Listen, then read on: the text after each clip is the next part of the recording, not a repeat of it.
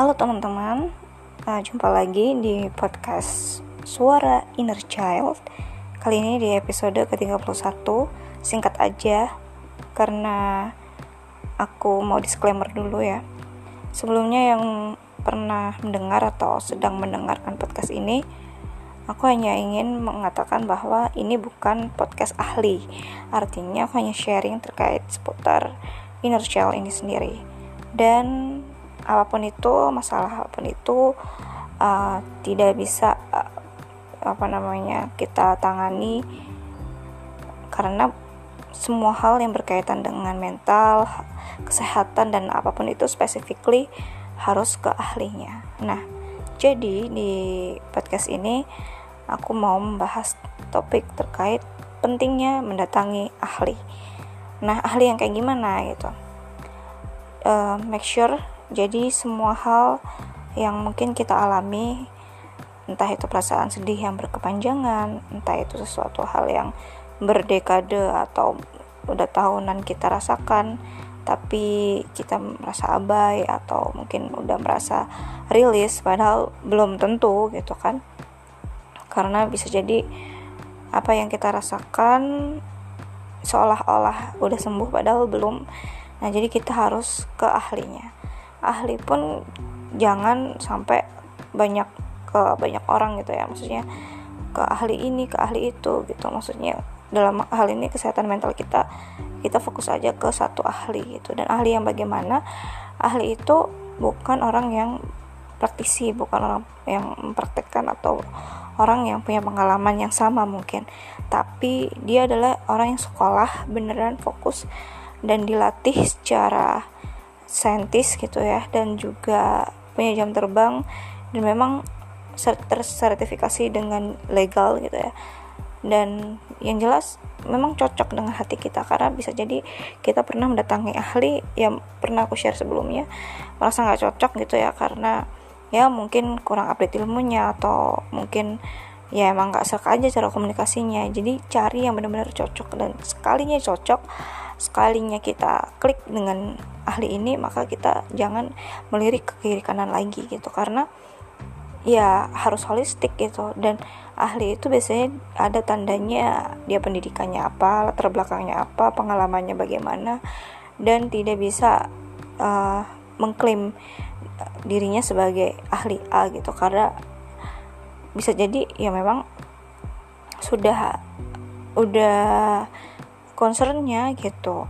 Dan orang udah mengatakan itu dan banyak yang sudah terbantu dengannya. Jadi bukan misalkan nih kita ke orang yang secara apa ya secara pendidikannya basically bukan psikolog tapi kemudian dia mengatakan bahwa dia ahli mental. Itu agak agak susah ya.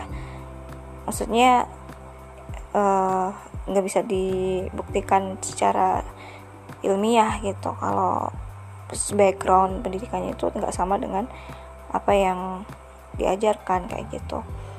Ya bisa jadi sih praktisi atau orang tersertifikasi tapi kan juga perlu waktu.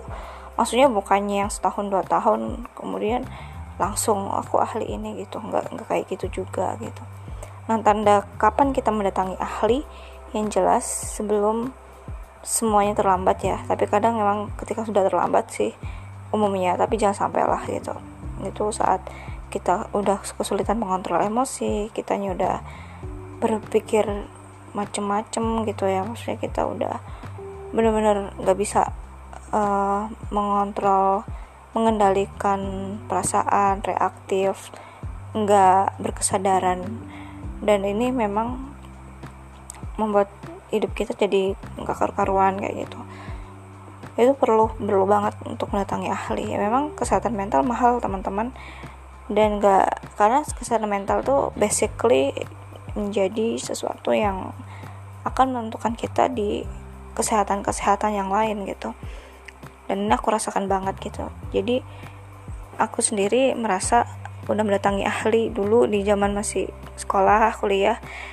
Tapi ternyata juga nggak semua itu rilis gitu. Karena ya bayangin misalkan 20 tahun mengalami luka gitu. Ya perlu waktu 20 tahun juga kan untuk mengobati atau mengembalikannya.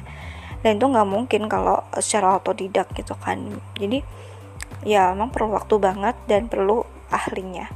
So jangan pernah takut ya terhadap stigma ah ini kesehatan mentalnya terganggu atau apa. Ya itu demi diri kita, sendiri gitu. Karena jangan dengerin orang yang nggak paham terkait kesehatan mental ini gitu yang rugi diri sendiri pastinya kan dan kesehatan mental itu basic banget untuk kesehatan kalau kita mau apa pun itu gitu ya jadi oke okay, nabung kalau bisa terus investasikan waktu kita, energi kita, materi kita untuk diri kita dan kesehatan mental ini. Ini penting banget.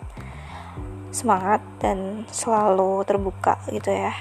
Uh, luka itu memang ketika dibuka akan sangat sakit. Tapi sekalinya kita mau mengobatinya dan kita sabar dengan prosesnya, insya Allah kita akan menjadi lebih baik. Oke, okay? uh, sekian podcast hari ini. Uh, dan sampai jumpa di episode selanjutnya. Bye.